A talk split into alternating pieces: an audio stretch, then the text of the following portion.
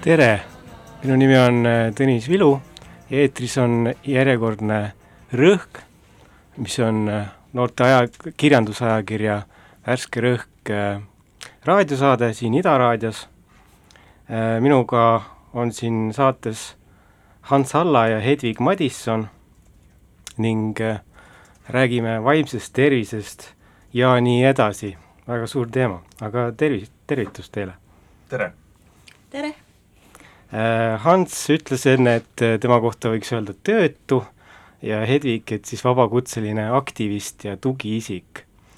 Ähm, aga ma olen teid kutsunud ka peale selle, et te olete äh, vaimse tervisega ka nagu no institutsionaalselt kokku puutunud ja igasuguste tugigruppide ja vaimse tervise liikumistega on teil ka endil äh, nagu väga isiklik kokkupuude äh, vaimse tervise probleemidega äh,.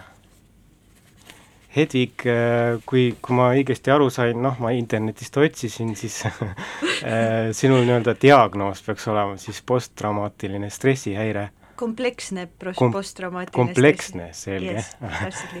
ja Hansul ma täpselt ma, ei ma teagi. lisaks veel, et pea, peale selle kompleksne posttraumaatiline stressihäire, generaliseerunud ärevushäire äh,, sügav depressioon korduvate episoodidega ja äh, siis äh, isiksuse häire segatüüpi.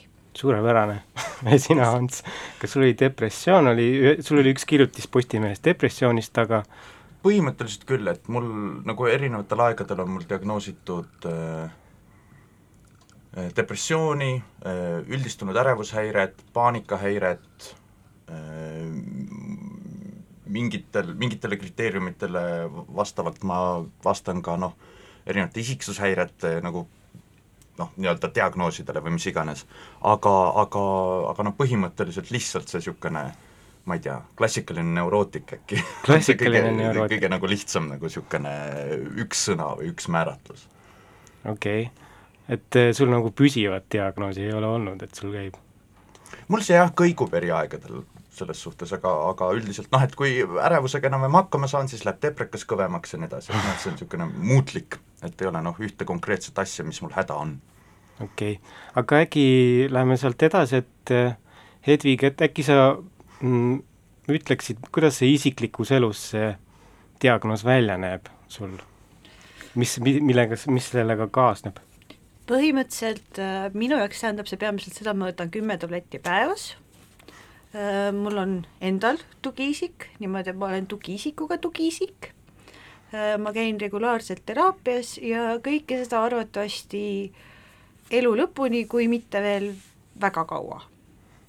ja muidugi see mõjutab suuresti minu sellist igapäevast olekut, et ma pean rohkem arvestama sellega, et kui palju mul on energiat, ma olen ka osaliselt töövõimetu, mul on keskmise puude kaardike olemas ja, ja selle, sellest tulenevalt siis on mul, olen, käin erinevatel teenustel ja nagu kõik muud inimesed, kellel on äh, sellised äh, erivajadused, siis äh, pea, olen ma võib-olla natukene rohkem teadlik sellest äh,, kuidas ma elan, mida ma söön äh,, kuidas ma käitun, kus ma käin kuidas ma magan ja nii edasi.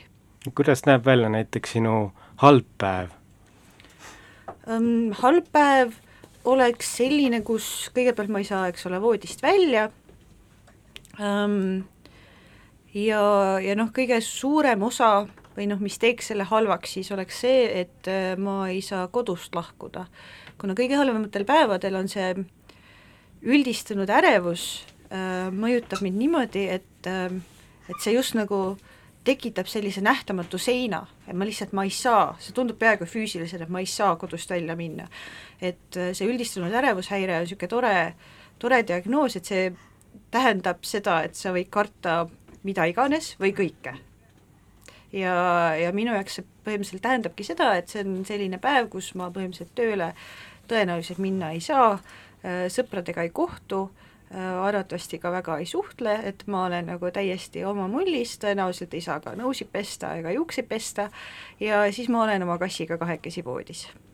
aga noh, et sa oled vabakutseline, siis see tähendab seda, et sul on nagu võimalus võtta neid päevi, eks ole. kui sa oleksid üheksast viieni tööga, siis väga nagu tugiisikuna tegelikult äh, ma ei ole otseselt vabakutseline, ma olen lepinguline ikkagi. et ma olen nii-öelda vabakutseline aktivist aga äh, tugiisikuna ma töötan poole kohaga. aga õnneks mul on äh, need ähm, äh, tööandja ja, ja äh, töökoht on piisavalt paindlik ja praegu õnneks ma olen ka viimane aasta olnud äh, üsna stabiilne, et mul ei ole vaja olnud kasutada seda haigepäeva võtmise võimalust väga, et mul ei ole suuri probleeme tekkinud mm.. aga Hans, kuidas näeb välja sinu halb päev?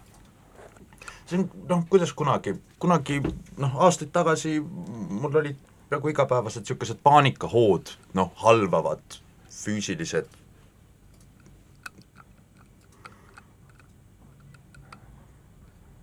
just täpselt hetked, momendid, just täpselt need, mida ma just oma kätega tegin, eks. aga, aga, aga noh, viimasel ajal üldiselt noh, näiteks nüüd äh, see talv on mul olnud nagu kellavärk iga päev, üldiselt äh, umbes kella kolmest kella viieni, täna on pigem erand, äh, täielik masendus. kukun pikali, kaks tundi olen pikali, tõusen üles, lähen eluga edasi see, see on noh, ma ei oska nagu nii üheselt öelda, et mis minuga nagu valesti juhtub või mitte, aga nagu üldiselt kõik värvub äh, halliks või õigemini kõigest kaob värv, võiks seda öelda, toidul kaob maitse, noh, suhteliselt niisugune klassikaline nagu kaebus. see, see meenutab mulle ka Sartri iivelduses on täpselt, on vist kirjas ka, et kella kolmest tuleb üks kõige halvem valgus või, või kõik muutub selliseks äh, eksistentsiaalseks hämuks. et äh, võib-olla, see on talvel siis ühesõnaga pimeda aeg ilmselt siis mõjutab? see on konkreetselt sellega jah, hämardub, ma kukun maha, noh, ilmselgelt, või noh, mis ilmselgelt, ma arvan ise, et või noh, minu jaoks on see ilmselge, et minu noh, masendusel on, on väga niisugune sesoonne komponent, eks mis siis naljakal kombel, kui, kui tuleb kevad, väljendub teatavat sorti niisuguse maniakaalse vastureaktsioonina või niimoodi, siis tekib kohutavad tegutsemistuhinad ja nii edasi ja, ja kaob, kaob nagu teatav vastutustunne võib-olla iseenda ees või nii vanasti peeti nagu sellisel hämardumise hetkedel videvikku, noh, peetakse videvikku, räägiti. et ähm, räägiti igasuguseid jutte ja väga suurt mingisugust tõsist tööd võib-olla ei tehtudki talvisel ajal nagu, et ähm, kas sa tunned, et äh, see kaks tundi kella viiest või kella kolmest viieni võiks lihtsalt jutte vesta või maha no, istuda? põhimõtteliselt võiks, aga noh, minu puhul või noh, ma ei ole suuteline, kui, kui see kaks tundi kolmest viieni tuleb halbadel momentidel, olen ma suuteline vestlust üleval hoidma. ega noh, eriti mõtlema mm. -hmm see masenduse halvav komponent on, on suhteliselt ränk sellisel momendil, kaob, kaob võime arutleda, analüüsida, argumenteerida, mõtelda. no hea, et vähemalt kella viiest see asi siis enam-vähem läbi saab. aga võib-olla selle diagnoosi jutuga edasi, et kui teil on juba pandud diagnoos, diagnoos on selline rohkem nagu praktiline asi tegelikult arstidel, et et nad saaksid sind ravida aga minu arust diagnoos ei ole kunagi päris täpne.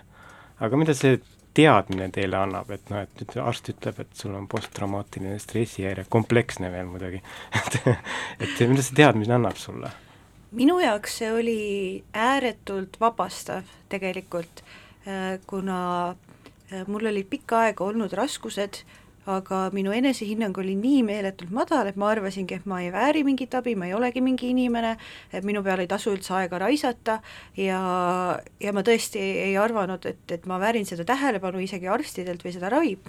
ja see, kui ma sain siis oma diagnoosid, siis äh, see oli nagu, keegi tegi ukse lahti mulle et, et see oli minu jaoks nagu kinnitus, et, et kuule, asjad ei pea niimoodi olema, see on nagu, me saame seda ravida, me saame midagi teha. see ei ole midagi, mis on nagu otseselt sinuga äh, seotud, see on haigus. et siis kuidagi minul oli võime, võimalus vähemalt natukene iseennast eraldada sellest haigusest, et see, see ei ole minu olemus.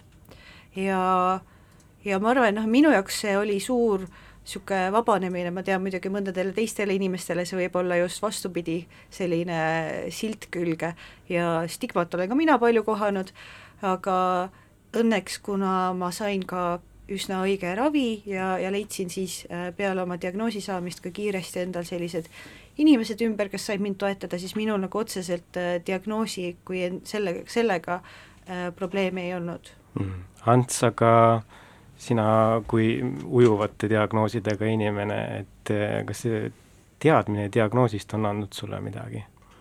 see on asja teinud minu jaoks tunduvalt keerulisemaks, mitte argises mõttes, mitte nagu igapäeva intiimikas, vaid pigem nagu selles, kuidas ma nagu enda, enda üle nagu mõtlen või milliseid enesemääratlusi ma kasutan, et noh, et et, et, et mingis mõttes see, mida Hedvig rääkis, et, et, et sa saad selle probleemi siis eksternaliseerida kuidagi, kohelda seda sarnaselt, ma ei tea, murtud varbaluule või sissekasvanud küünele või millele iganes. et, et see nagu aitab, et noh, et ma ei olegi see, ma ei ole minu, minu praht, ma ei ole minu vaimne kõnts, aga, aga samas äh, mu enda nagu noh, niisuguste hästi intuitiivsete tunnete tõttu ma ei saa seda eksternaliseerida nagu mitte päriselt, sellepärast et ma olen kõik see, mis ma teen.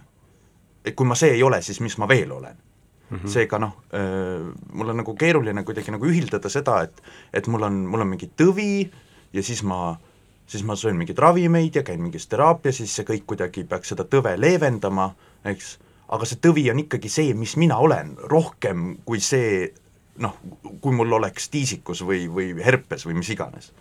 Et, et see on nagu keerulisem, sest noh, et eriti noh, et see paralleel vaimse ja füüsilise vahel kukub nagu selles momendis hästi, vaimse ja füüsilise tervise vahel kukub selles momendis hästi kokku minu meelest. et kui me räägime nakkushaigusest, siis see on sõna otseses mõttes midagi, mis tuleb väljaspoolt mm. -hmm. mis ei ole sinu organismi, sinu isiku äh, põhjustatud.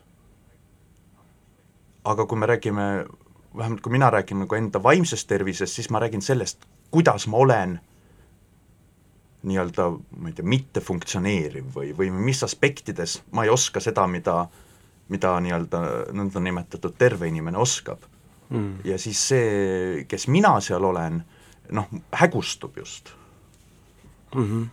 no minul endal on näiteks, äh, no mina olen bipolaarne ja siis ähm, ma olen selline peaks olema siis, et kellel see depressioon on kõige peamisem ja siis väga harva on nagu nii-öelda lükkab täiesti üles kuskile.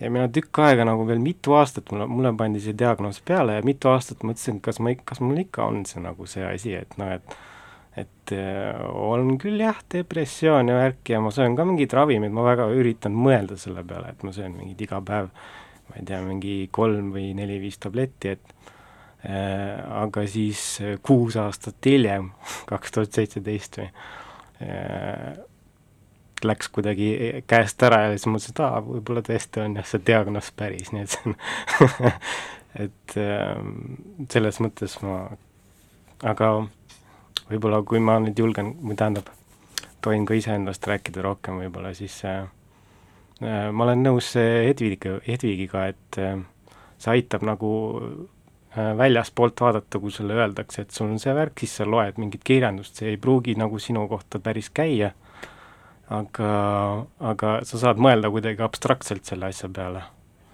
Äh, aga see ei tähenda, et, et see ei oleks nagu selle mina osa. et just nüüd tuleb tagasi jälle kokku liita nagu, mu arvates. ma olen nagu nõus, kui tohib, et ma olen yeah. selles suhtes nõus sellega, et see on äh, Äh, argiseks igapäevaseks hakkamasaamiseks, on minu jaoks olnud ka hästi vajalik, see teadmine, et noh, et ma suudan seda noh, selle probleemi endast välja tõsta ja siis olla noh, opereerida sellega nagu mingi objektiga, mitte mm -hmm. kuivõrd minu subjektiivse nagu maailmakäsitlusega. aga, aga samas noh, mul on just see noh, et, et, et, et noh, niikaua kuni ma opereerin sellega kui mingi endast välise asjaga, ei opereeri ma nagu enda täiusega jällegi, mis, mis mulle põhjustab teatavaid nagu niisuguseid vastakaid tundeid või niimoodi mm kuidas sul, Hedvig, on, kas sa võtad nagu tagasi mina sisse selle või, või kuidas sa suhtud sellesse? minu jaoks see on võib-olla äh, sarnane selliste, ma vahetevahel võrdlen seda katkise jalaga äh,. just selles mõttes, et see on midagi, mis äh, väga suurel määral äh, mõjutab minu igapäevaelu ja, ja võib-olla mul on vaja ka sellepärast olla ratastoolis mingi osa oma elust. Ja, ja noh, selles mõttes ilmselgelt mõjutab see siis ka seda, kuidas teised mind näevad, kuidas teised minusse suhtuvad, see mõjutab äh, minu ligipääsu äh, erinevatele teenustele, kohtadele, üritustele, kuid äh, ja no mingil määral see on osa minu identiteedist, et ma tean, et mul on see nii-öelda keskmine puue, ma tean, et mul on see osaline töövõimetus, ma tean, et tehniliselt ma olen vaimselt haige aga, aga ma tunnen, et see on ainult üks osa minust. Ja ma tean, et väga suur osa minust on äh, hakkamasaav äh,, aktiivne, huvitunud erinevatest asjadest. Ähm, ja see teine osa on minu jaoks palju olulisem. ja muidugi see haige osa on seal ja ma olen sellega leppinud äh,, kuna paraku äh, ma olen nüüd, ma olen olnud mingil määral haige terve oma elu ja, ja mingil määral haige olen tõenäoliselt seda ka edaspidi. ja varasemalt ähm, mul oli ka identiteedikriise, kus ma arvasin, et noh, mina olengi see haigus, et see haigus on niivõrd minu külge juurdunud, et nagu eraldada kuidagi seda minu osa ja seda haiguse osa tundus võimatu. kuna vaimsed haigused ju mõjutavad seda, kuidas sa mõtled, kuidas sa näed enda ümbritsevat, kuidas sa suhtled ja, ja selles mõttes äh, see mõjutab kuidagi teistmoodi kui, kui jah, tõesti katkine, katkine käsi või, või nahahaigus, juuste väljakukkumine, et see on midagi muud mm. -hmm. aga, aga siiski ma usun, et et kui, kui ka ühiskond õpib olema natukene aktsepteerivam, et siis on võimalik ka sellega kergemini leppida. minu jaoks, minu jaoks nüüdseks juba on? minu, te olete mõlemad ka avalikult julgelt sellest äh, vaims-, oma vaimsest tervisest rääkinud, ma arvan, et see julgelt rääkimine ongi see samm juba enam-vähem omaks võtmise samm. et mitte, mitte just nagu, ei taha, ma ei taha öelda, et päris omaks, aga, aga kindlasti inimene, kes ei, selle diagnoosiga või nagu ei suuda veel nagu samastuda või, või mingit silda leida, siis ilmselt ei ole ka seda julgust. aga kuidas, kuidas te nagu leidsite julguse avalikult rääkida oma äh, haigusest, Hans? kirjut-, ma mõtlen siis seda Postimehe lugu.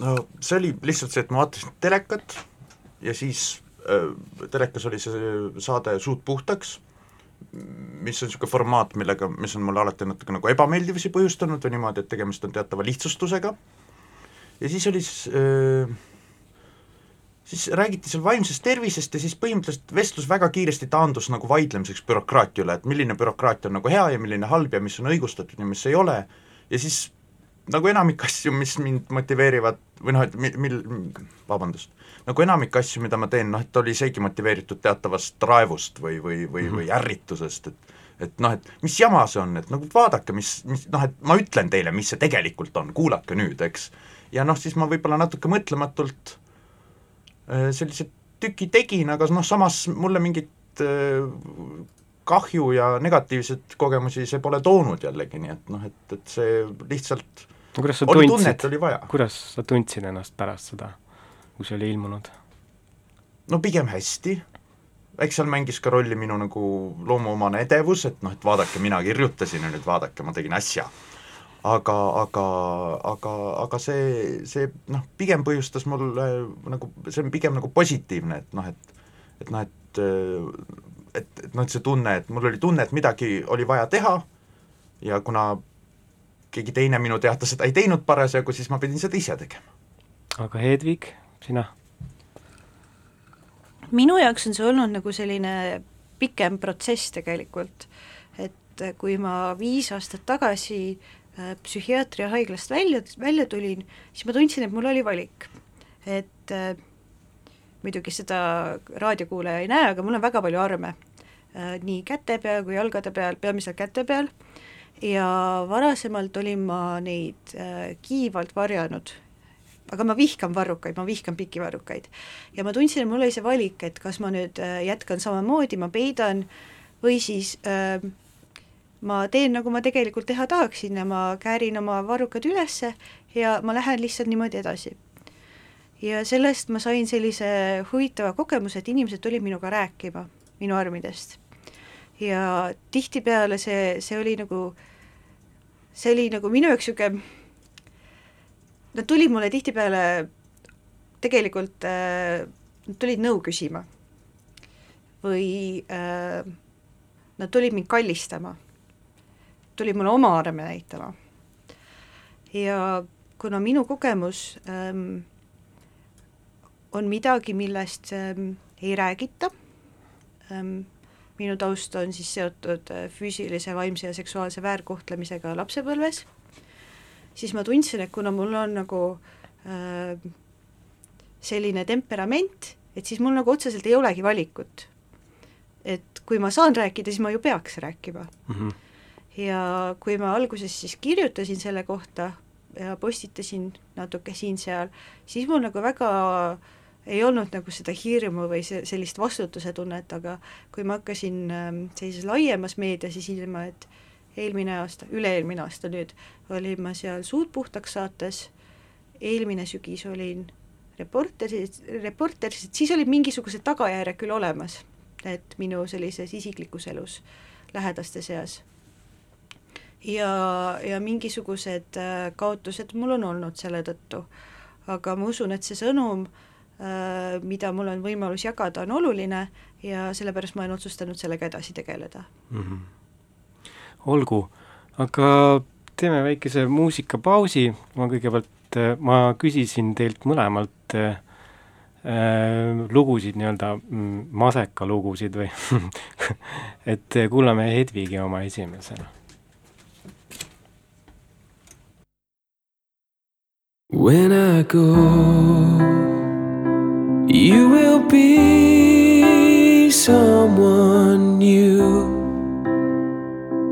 You will see the stars come out. You won't feel the pain I've caused at all. Cause someday. I must face up, someday. You'll be better off on your own. So just let me go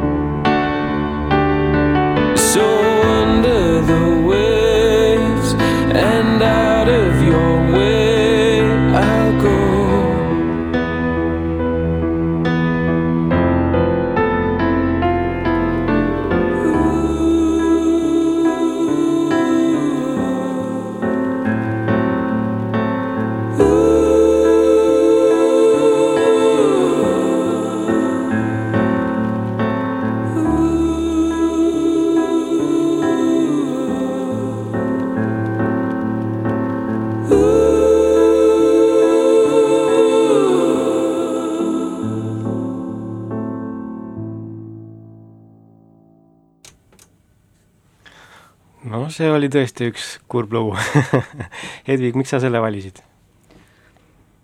mm,? See on üks neid lugusid, mida ma kuulen, kuulan öösel hilja, kui ma tunnen ennast tõesti kõige, kõige, kõige, kõige halvemini ja selle loo sõnad on väga-väga sünged ja kuna ma olen olnud väga suitsiidne oma elus, siis ähm, see, mis seal ähm, sõnades väljendub, see tunne, et nagu teistel on ilma minuta parem, see on midagi, mida ma olen väga tundnud oma elus. kas see, noh, see on kummaline, et inimesed nagu kuulavad neid äh, lugusid, mis neid hirmsalt nagu äh, nutma ajavad või, või on väga kurvad nende jaoks, et äh, ja neid kuulavad nad no, repeat'i peal, eks ole, veel. et äh, kas sellel lool on ka mingi lohutav väärtus sinu jaoks siis sellisel juhul? kindlasti, see on kuidagi sellega seotud, ma tegelikult õppisin muusikateraapiat natuke aega, et ma peaksin seda teemat jagama, aga see on seotud kuidagi sellega, et ma seostun selle looga, ma tunnen, et ma ei ole üksinda, kuna need lood, need sõnad on nagu, nad väljendavad seda, mida mina tunnen. seal on muusika muidugi, muusika, mis on tegelikult väga lohutav ja millel on ka valuvaigistav tunne isegi.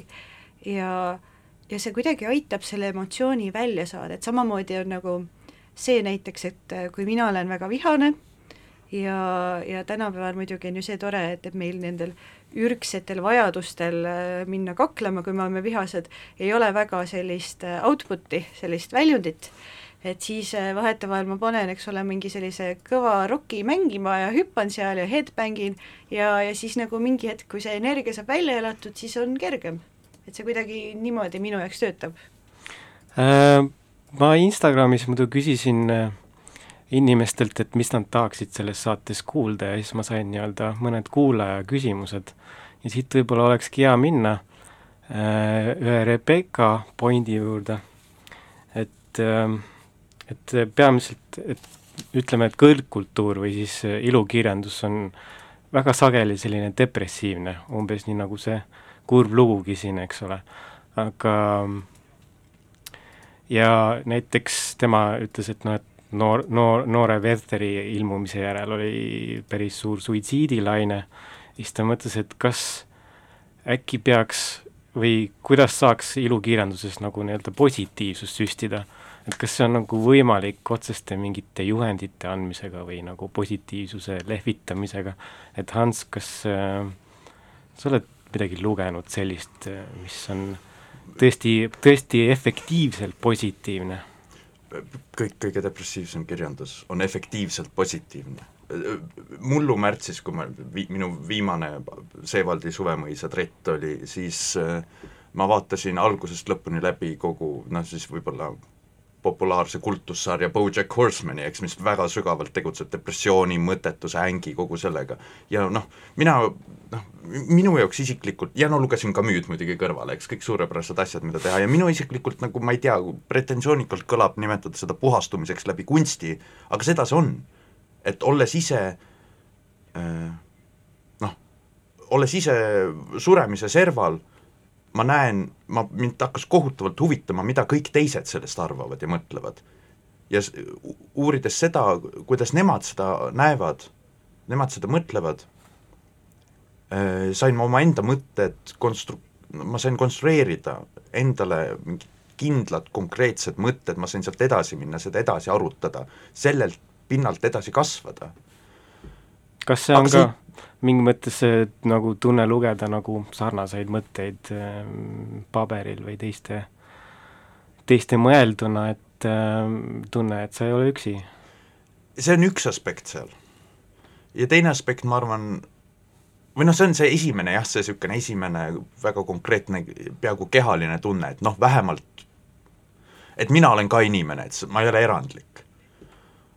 aga aga seal on ka see teine asi, et ma tean noh, isiklikult äh, paari inimest, kes on nii-öelda oma sõnul ületanud oma äh, sügava depressiooni ja suures osas selle kaudu, et nad väldivad igasugust äh, kunsti, kirjandust, mis, mis tegutseb masendavaga, mis tegutseb jõleda ja vastikuga. et seal see, et noh, et mul ei ole ühtset vastust et, et, et, et noh, et inimesed peavadki lugema Werterit ja nutma ja siis läbi selle puhastuma. et see kõigil ei tööta, aga, aga mind see aitab. et, et et no, ma, ma, ma just, ma just väldingi seda nii-öelda, seda optimistlikku ja positiivset. no seda vähemalt mul on väga lihtne vältida, sest mul on kohe allergiline reaktsioon tuleb selline eneseabijutt, eks ole, aga noh, ma ei, ma ei taha maha teha näiteks sellist kirjandust, et äh, noh, ma ei mõtle siin konkreetselt eneseabiraamatuid, vaid sellised positiivset, positiivset äh, ilukirjandust, mida ma tegelikult ei ole väga näinud, aga noh, võib-olla siis huumorikirjandus on selle, käib selle alla. aga see on teistmoodi juba nagu, see ei anna ka, ma eeldan, juhiseid elamiseks. et äh, pigem siis vist nii, et et selline hea positiivse efektiga ilukirjandus tekitab pigem rohkem küsimusi võib-olla või aga kas see on riskantne, et et, et noh, et kumb tuli enne, kas see Cam-, Camus raamatu masendus või sinu enda masendus, et ma arvan, et need on eristamatud. noh, niivõrd, kuivõrd mina olen noh, ma ei tea, sotsiaalne subjekt ja, ja kõik see, mis mina olen, on tingitud sellest, mis on minu ümber ja vastupidi, on need seesama asi, sellesama asja erinevad väljendused. Camille'il oli paha olla ja mul oli paha olla, me lihtsalt vaatame seda teistmoodi, see, et Camille'il oli paha olla, aitab mind, kui mul on paha olla mm. -hmm. no see tuleb meelde ähm, raamatus Elu edetabelid või siis Nick Hornby romaanis on seal ja peategelane kuulab pärast äh, jälle katkenud armastust, mingisuguseid hästi kurbasid äh, popmuusika lugusid, mis noh, enamasti kõik ongi katkenud armastusest ja vastamata armastusest ja siis ta küsib, et äh, mis oli enne, kas kurbus või kurb muusika. et Hedvig, mis sa arvad? no ma nõustun siin Han-, Hansuga, et need asjad on tegelikult eristamatud ja ma arvan, et sellised küsimused otseselt ei vii meid produktiivsuseni.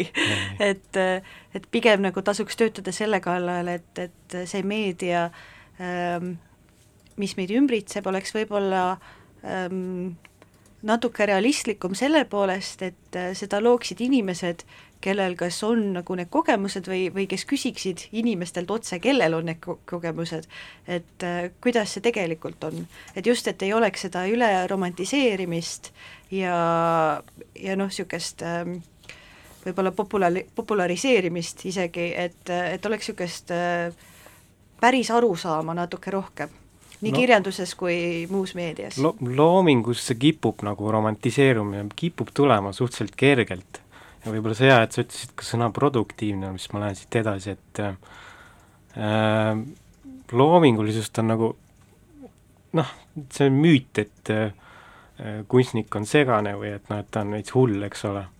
ja siis äh, seetõttu ongi tal nagu selline huvitav looming, aga siin oli hiljuti uuri-, uurimus äh, Karolinska instituudis, et äh, ja uuriti nagu loomingulisuse ja vaimsete häirete seost. siis tuli välja, et äh, nii-öelda loomingulistel inimestel äh, see määr, mille võrra nagu see hullumeelsus on nagu loominguliste inimeste seas äh, levinum, on täiesti minimaalne.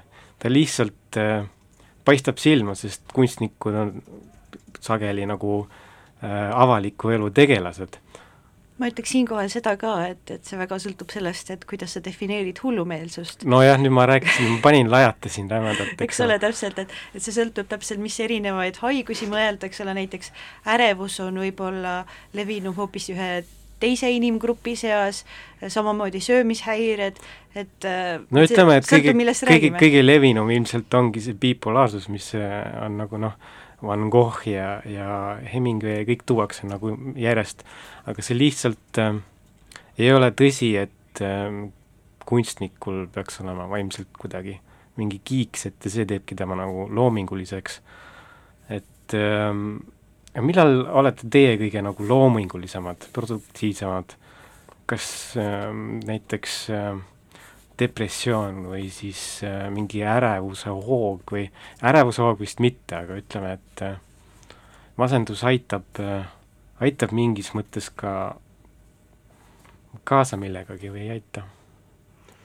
pärsib pigem või on tal no, mingi, mingisugune ma olen alati noh, põlastanud seda stereotüüpi, noh see niisugune masendunud kunstnik, kes siis teraapia vormis veritseb paberile äh, sest ja noh, muidugi ma tean isiklikult ka inimesi, kes luuletavad nii-öelda eneseteraapiaks ja see töötab, aga, aga samas, et masendus kuidagi on ise teraapiline, masendusest kirjutamine on ise teraapiline paratamatult, see on vale ja ma arvan, et see tin-, tuleb nagu isegi väärarusaamast sellest, et mis asi on kunst et on mingit sorti idee inspiratsioonist, mingist muusapalangust, et, et, et, et, et see on nagu mingi isetekkeline protsess ja see jätab kõrvale selle, et kunst on äh, rabamine, higistamine ja töö ennekõike. kui ta üldse mingis mõttes on olen, mingi inspiratsioon. ma olen sinuga täiesti nõus, sest äh, noh, depressioon on nagu, viib alla, sa ei ole produktiivne sellel ajal. ja siis teine äärmus näiteks, no ma ei tea, mingi hüpomaaniast nagu seisund, vabandust, kus on äh, nii-öelda peaks olema siis kõrgem produktiivsuse aste, siis sealt ma olen täheldanud, et on mingisugune väike, väga väike sweet spot, kus sul on nagu, on tõesti head asjad ja sa saad tehtud ja siis sealt edasi ma ei tea, ma olen pärast lugenud näiteks enda tekste või siis need on täielik nagu pask ausalt öeldes minu meelest see Kubricku Jack Torrance selles Shiningu filmis, noh, inimene äh, läheb segaseks, muutub maaniliseks, metsikult kirjutab grafomaaniliselt, eks, aga ta kirjutab seda ühte lauset üle ja üle ja üle, et noh, see ei ole ju, see ei ole, mis töö see on või noh, selles suhtes see on, see ei ole kirjandus või mis iganes, noh, idee on selles, et, et, et äh, ma kuskilt nagu mäletaks lugu, et, et, et äh, Dostojevski näiteks oli epileptik ja epileptikutega kaasnes äh, epilepsiaga võib kaasneda teatav grafomaania. ja siis äh, kes iganes seda lugu mulle rääkis, siis nagu väitis, aga samas, et grafomaaniline kirjutamine ei ole äh, ei ole sama, mis nii-öelda läbi higistamise kirjutamine või niimoodi mm. -hmm. et kõik, mis tuleb nagu läbi selle, läbi sinu nagu ebastabiilsuse kuidagi hästi lihtsalt, äh, noh, on, on võib-olla see, mida ei tohiks just maailma paisata arvad nii? tunne on enda kogemusest, noh et, et kui ma hakkan lihtsalt paberil nii-öelda jaurama, siis sellel on kindlasti positiivsed nagu mõjud sellele, et noh, et see, ma kirjutan ennast lahti, ma kuidagi noh, elan midagi üle, see on noh, sarnane sellele lihtsalt toas ringi hüppamisele ja headbangimisele ja metalli kuulamisele, aga noh, põhimõtteliselt ta on midagi mulle, midagi, mida mis, mis on nagu põhimõtteliselt noh, minu enda isiklik protsess, mitte niivõrd, kuivõrd noh, tõe otsimine läbi kirjanduse või kunsti mm. -hmm. aga noh, sa oled avaldanud värskes rõhus kaks proosateksti või mina avaldasin sind tegelikult sorry et äh, äh, ku-, kas, mille tulemusena need sündisid, kas see oli ka jauramine või oli see ei, need olid väga konkreetse mm, noh, eneseanalüüsi tulemus. ma töötasin äh, aastaid äh, sotsiaaltöötajana äh,, peamiselt inimestega, kellel äh, on skisofreenia või äh, vaimne alaareng. ja mõlemad johtusid sellest konkreetselt, mul oli vajadus äh, äh, aru saada sellest, mida ma teen oma, oma igapäevase leiva jaoks, et näed, mis on, mida ma teen ja mul oli vajadus aru saada, et, et eh, kes on need inimesed, kellega ma töötan. noh, rohkem kuivõrd äh, igapäevane suhtlus mul seda võimaldas. ühesõnaga, see oli niisugune tööprotsess rohkem, mitte nagu väljaelamise protsess võib-olla või? jah, täpselt ja noh, mul on nagu tihtipeale on tunne tekkinud, et, et kuigi me saame nagu läbi kirjanduse, läbi kunsti, läbi mille iganes rääkida hästi palju sellistest kohutavalt intiimsetest asjadest, siis äh, siis kui nagu lihtsalt ennast kogu aeg välja elada selle kaudu, siis me ei jõua mingit sorti noh, huvitava või, või, või äh, tõese informatsioonini läbi selle mm. -hmm. Hedvig, ma ei tea täpselt, kas sul on ka loominguline väljund? no ma olen muusikakoolis käinud kaua, õppisin muusikateraapiat mõnda aega ja tegelikult ma olen kokku puutunud kõikide erinevate kunstivormidega siiamaani ähm,, olen ka kunstiteraapias käinud, et selles mõttes ma olen ka teraapilise kunstiga väga intiimselt kokku puutunud. Äh,, ja noh, seda teinud ka siis äh, läbi õpingute ja, ja ka ise äh, praktika korras kunstiteraapia gruppe juhendanud, et äh, ma täitsa usun sellesse, et kunst võib aidata ja et erinevates seisundites on võimalik mingil määral kunsti luua, aga ka minu kogemus on selline, et see kunst, mida sa siis lood, see on sinu enda, enda jaoks, et kui sa teed seda ikkagi oma protsessi äh, nimel, siis äh, mina näiteks ei tunne ja, ja ma tean, et ka paljud teised ei tunne, et see on midagi, mida sa avaldaksid. Ja ma tean ka, et see, mida ma kirjutan siis, kui ma olen depressioonis, see on selline hala ausalt öeldes, et sealt ei tule midagi, mis oleks pärast äh, tegelikult lugemist väärt ja ma võin seda lugeda ise äh, lihtsalt selle mõttega, et jaa, et on huvitav, et oi, et mul olid sellised mõtted, aga ilukirjanduslikku väärtust ma tunnen, et sellel ei ole. ma, ma olen teiega nõus jah, et ähm, võib-olla isegi, kui see teksti algne nagu noh, kirjutamise algne impulss võib olla teraapiline, siis äh, et nagu mingi teos kokku saaks, siis sul peab olema hoopis teised tasandid ka veel seal peal ja nõuab äh, rohkem keskendumist ja tööd, kui võib-olla arvata võib. aga kuulame veel ühte maseka lugu.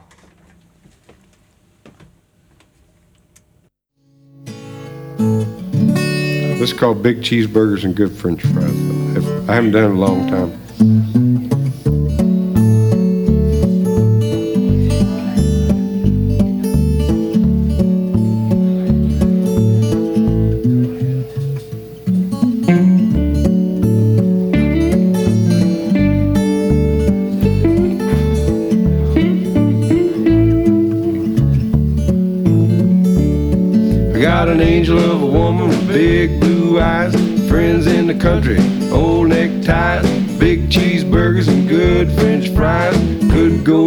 But fish draw flies. Could go swimming if it ain't too deep. Rather just sit here and rest my feet. I know I ain't lazy cause I don't like sleep. I might just be lazy to you. I wanna live in the city, have a telephone live in the country, throw my dog a bone, ride on a spaceship, wanna get lost. Mama still tell me about the Pentecost. Ride a bicycle, but my ass gets sore. Sell a holy Bible from door to door. Used to be stupid, but ain't no more. Might just be stupid to you.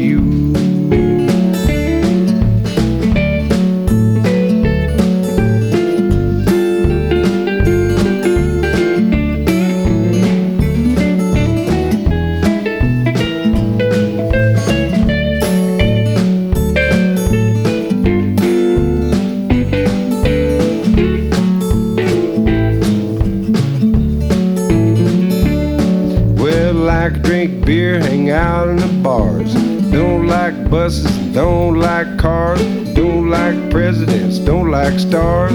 Never had stitches, but I do got scars. Love to go to parties, love my friends. Got no books, just got bookends. Think I'm crazy, but that depends. Don't seem that crazy to me. Well, stories old's been said before. That's all there is to it, and here's some more. Friend coming over liquor store. Joe, he danced his feet get sore. I love my woman and my woman love me. Don't go skiing cause I can't ski. That kind of thing never did bother me, so it shouldn't be bothering you. I got an angel of a woman with big blue eyes, friends in the country, old neckties, big cheeseburgers and good french fries. Could go fishing, but the fish draw flies. Go swimming if it ain't too deep. Rather just sit there and cool my feet. No, I ain't lazy cause I don't like sleep. I might just be lazy to you. Might just be stupid to you.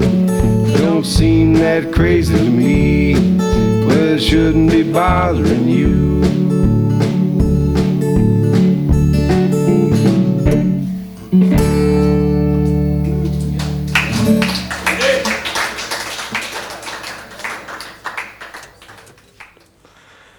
Ants, miks sa valisid selle, see esmakuulamisel ei ole nii masendav?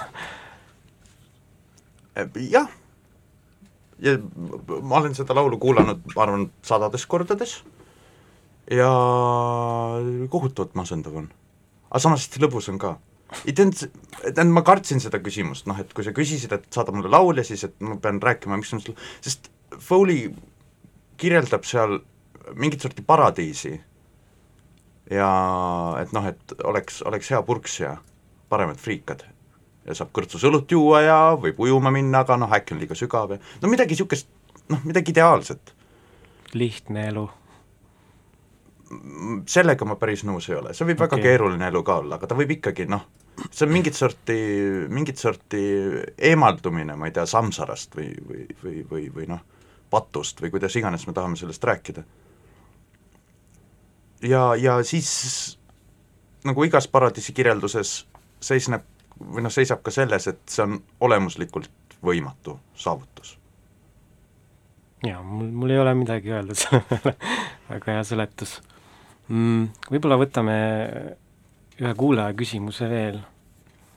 Silvia on äh, küsinud või siis kommenteerinud, et äh, Kanye West, kes on nagu siis hiljuti ka äh, diagnoositud, ma eeldan vist bipolaarne nüüd ta on öelnud, et, et ta ravimid jättis täiesti järele, sest ta tahab nagu olla loominguline, see on siis tema nagu tema, tema mõttes on siis, et ta loob just siis, kui ta on nagu mingis teatud äh, seisundis või, või et see ongi tema osa, ta on nagu osa, osa võtnud. aga ta on ka teinud igasuguseid äh, noh, ütleme omapäraseid asju niisuguseid äh, päris avameelselt või päris öelnud inimeste kohta natukene halvasti või eh, ja siis eh, on ka pärast kommenteerinud, et eh, mind ei tohiks põhimõtteliselt arvustada, sest ma olen nagu haige. et kas ta, kas, kas nagu see on nagu nor-, normaalne sorry, et kas võib sellist millal arvustada siis inimest, kes on haige? ma ütleksin, et ei ole ühtegi vaimset haigust, mis otseselt sunniks inimest äh, käituma nagu jobu. ühesõnaga, tal on e-, ettekääne põhimõtteliselt? see on pigem, ma ütleksin, ettekääne, et äh, muidugi on mingisugused äh, käitumismustrid, et jaa, et depressioonis inimesed on energiavaesemad ja võib-olla ei taha nii väga suhelda ja võib-olla ärevuses inimesed äh, paanikahoos võib-olla jooksevad ära ja, ja muidugi noh äh,, on, on igasuguseid erinevaid seisundeid, eks ole. Äh,, kuid äh, ma ütleksin, et äh, sellist äh, tõsist ebaviisakust või, või ähm, väga nõmedat eneseväljendust tegelikult sellised asjad ei vabanda et äh, jobusid on nii vaimselt haigete kui vaimselt tervete seas äh, ja, ja ma ütleksin, et jobud on just need, kes äh, kipuvad neid ettekäändeid otsima tavaliselt, aga aga olles ise, eks ole, selline vaimselt haige inimene ähm, ja ka selline, kes üldiselt mõtleb väga sügavalt selle, selle peale, kuidas ma ennast väljendan, siis ma ütleksin, et noh, et et see nagu ei, ei kehti tegelikult, see ettekääne Hans, sa kirjutasid seal minu meelest seal Postimehe loos ka, et sa oled nagu vahepeal oma selle depressiooni tõttu, tõttu oled nõme inimene. vist kirjutasid või? jah, või õigemini minu nagu olemuslik jobusus noh, võimendub või, või, või saab väljundi läbi noh, depressiooni. kas sa nagu ütled vabandust teisele, et aga mul oli just selline halb aeg, et noh, et no seal minu meelest tuleb vahet teha nagu välja vabandamise ja põhjustele arutlemise vahel mul on nagu tunne, et Kanye lähenemine, et mind ei tohi arvustada sellepärast, et ma olen segane, äh, on, on niisugune välja vabandamine, mitte arutlus selle üle, et äh, vaadake, ma käitusin niimoodi ja niimoodi halvasti, mul on kahju, ma tegin seda sellepärast ja sellepärast, et. Mulle endale tundub ka, et see on nagu selline noh, välja vabandamine, et äh, tal on olnud siin igasuguseid episoode, ma ei tea, kuskil televisioonis ja nii edasi, aga ta, nii nagu ta ühel plaadi peal on üks lugu, ütleb, et äh, minu nagu, minu vaimne häire on minu supervõime äh,, et äh, ta nagu ei kahetse neid episoode, ta surfab selle peal. et mis te arvate, kas see on nagu selline, võib ju öelda, et see on nagu e positiivne enesekuvand võib-olla, nagu niimoodi jutumärkides. no ma ütleks, et see on nagu nii või naa, et mingil määral ma võin öelda ka, et jah, et minu sellest äh, erivajadustest tulenevalt on mul ka supervõime, eks ole, et tänu minu nendele läbielamistele olen ma äh, väga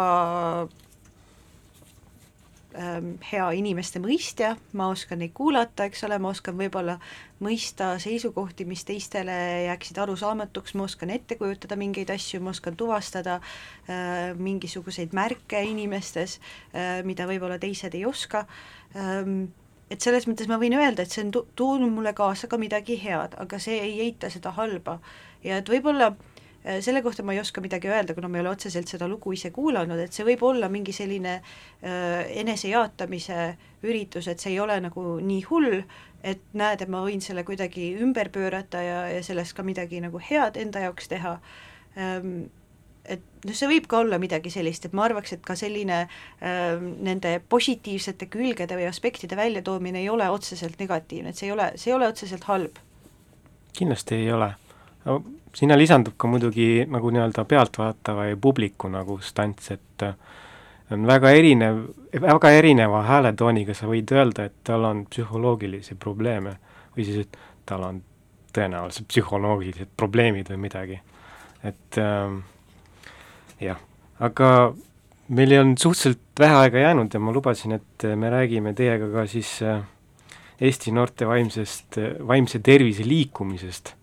Ja te olete mõlemad seal liikmed, mina olen just värske liige, aga Hedvig, sa vist äh, oled ka vedanud sellist üritust äh, nagu vaimse tervise kogemusgrupp. kas see kuulub selle sellise nimega see päris seal ei ole, kuid äh, enam-vähem see see on vabandust, mul siis Facebookist nägin valesti igatahes äh, ma võib-olla tutvust-, tutvustaksin kõigepealt seda liikumist ja. ennast, et Eesti vaimse, Eesti noorte vaimse tervise liikumine, küll sellise vähe keeruka nimega, mida, mis mulle alguses endale ka ei jäänud meelde, äh, on siis selline liikumine, mis ähm, keskendub äh, noorte heaolu parandamisele ja nende tingimuste parandamisele, mis seda siis mõjutavad.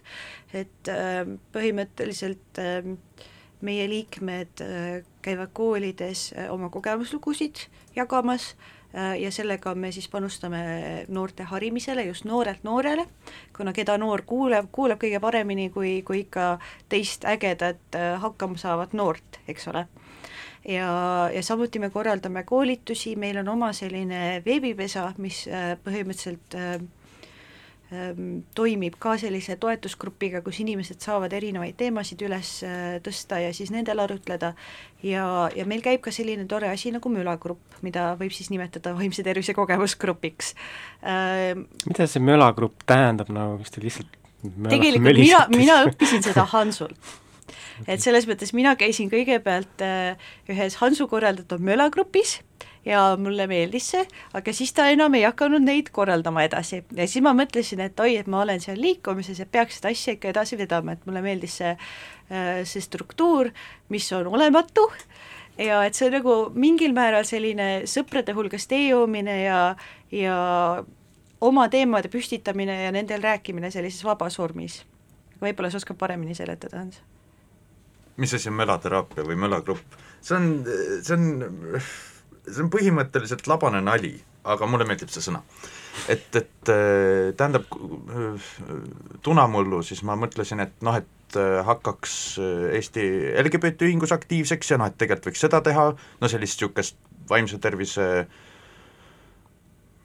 asjandust ja siis ma lihtsalt puhtast entusiasmist ja mitte mingite oskustega nagu ühel hetkel otsustasin sellega alustada ja siis need kuidagi käisid koos mingi aeg, mingi aeg mul oli jaksu neid korraldada, paratamatult äh, läks mul endal elu keerulisemaks ja siis ma enam ei jaksanud, noh et see, noh nendega on selliste ürituste ja selliste liikumistega on pahatihti, vähemalt minu jaoks, nagu tekkinud tendents, et siis, kui seda endal kõige rohkem vaja on, siis ei ole enam jaksu neid asju elus hoida. aga kas sa osaled? ei. miks?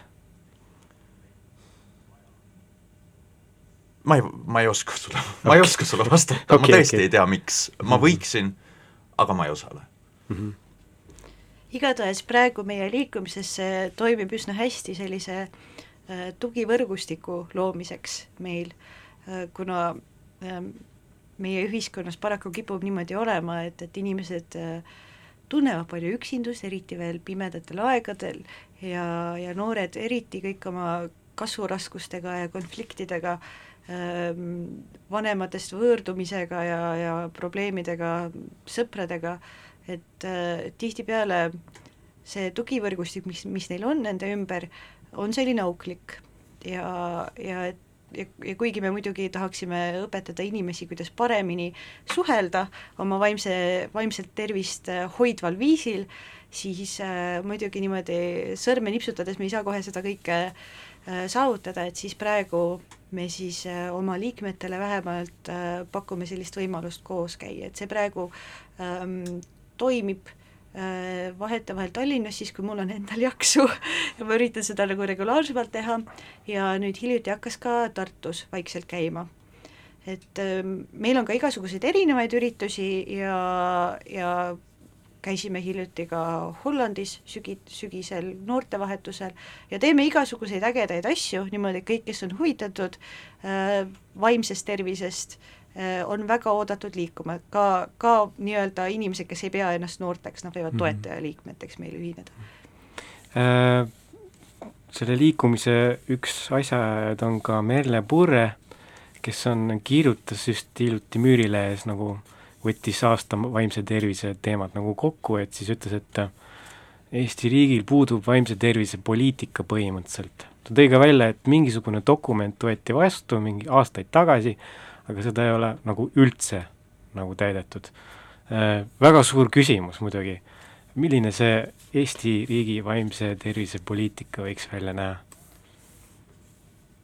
noh ähm,, minu ideaalses maailmas Äh, näiteks äh, oleks olemas ka selline asi nagu vaimse tervise kontroll, mis põhimõtteliselt tähendaks seda, et äh, et spetsialisti abi ei otsitaks siis, kui on juba viimane kriis, mida ikka praegu kiputakse tegema, kuna see on veel üsna selline tabu, kuid oleks olemas ka nõustajad, psühholoogid, terapeudid, kes aitaks selliste väiksemate probleemidega paremini toime tulla, et igasugused lahkuminekud, äh, leinaprotsessid, ähm, kiusamised ja nii edasi. Ja, ja põhimõtteliselt oleks vaja nagu sellist äh, toetavamat süsteemi, kuna praegu ka need äh, pakutavad teenused, need on ausalt, ma ütleksin, need on üks suur äh, jama. Ma ei oska mingit paremat sõna välja mõelda, et kuidas mingid asjad on Töötukassas, mingid asjad on äh, Sotsiaalkaitseametis ähm, ja kui sa üritad no see on, see on reformiga muutunud niimoodi, sest algselt ja, oli ta Sotsiaalametis ainult. nüüd see on veel keerulisem just selle poolest. No sellele, selleni ilmselt see peaks teise saate tegema. et need asjad on veel eraldatud, et nüüd sa pead tõesti otsima, mida sa täpselt tahad ja kuidas sa seda leiad, et see on ääretult keeruline, samuti on ääretult keeruline leida endale terapeuti, psühholoogi, kuna üldiselt äh, ei ole nagu vajalikku infot. Ähm, saadaval, kättesaadaval ja kõik see arstide poolt edasisaamine, vaimse tervisteenuste kättesaadavus, ma ütlen ähm,, ideaalset situatsiooni, kuidas seda saavutada, ma ei oska kirjeldada, aga praegu see ei funktsioneeri väga hästi mm. -hmm. Hans, võib-olla kui sul on halb päev, siis mis võiks olla see üks väike lihtne asi, mis võib aidata? mida sa teed? tulge mu koju, võtke mind natist kinni ja visake mind uksest välja. sellest piisab? mitte alati. Hedvig, sul ähm,? minule piisab minu kassist, et selles mõttes mul ongi, ma võtsin ta tugiloomana ja, ja isegi kui mul on nagu need äh, masendavamad päevad, siis ja, ja juuksed on pesemata, nõud on pesemata ja prügihunnikud on siin-seal, nii hull see tegelikult ei ole, siis see, et ta ikka hüppab ringi ja, ja mul sahtleid avab ja, ja nagu näub ja ronib mulle otsa, see tegelikult juba aitab väga palju. seda on hea kuulda. Aga ma arvan, et tõmbame otsad kokku, aitäh kuulamast! Ja eetris oli saade Rõhk, järgmine Rõhk on eetris viiendal märtsil kell neli, aitäh!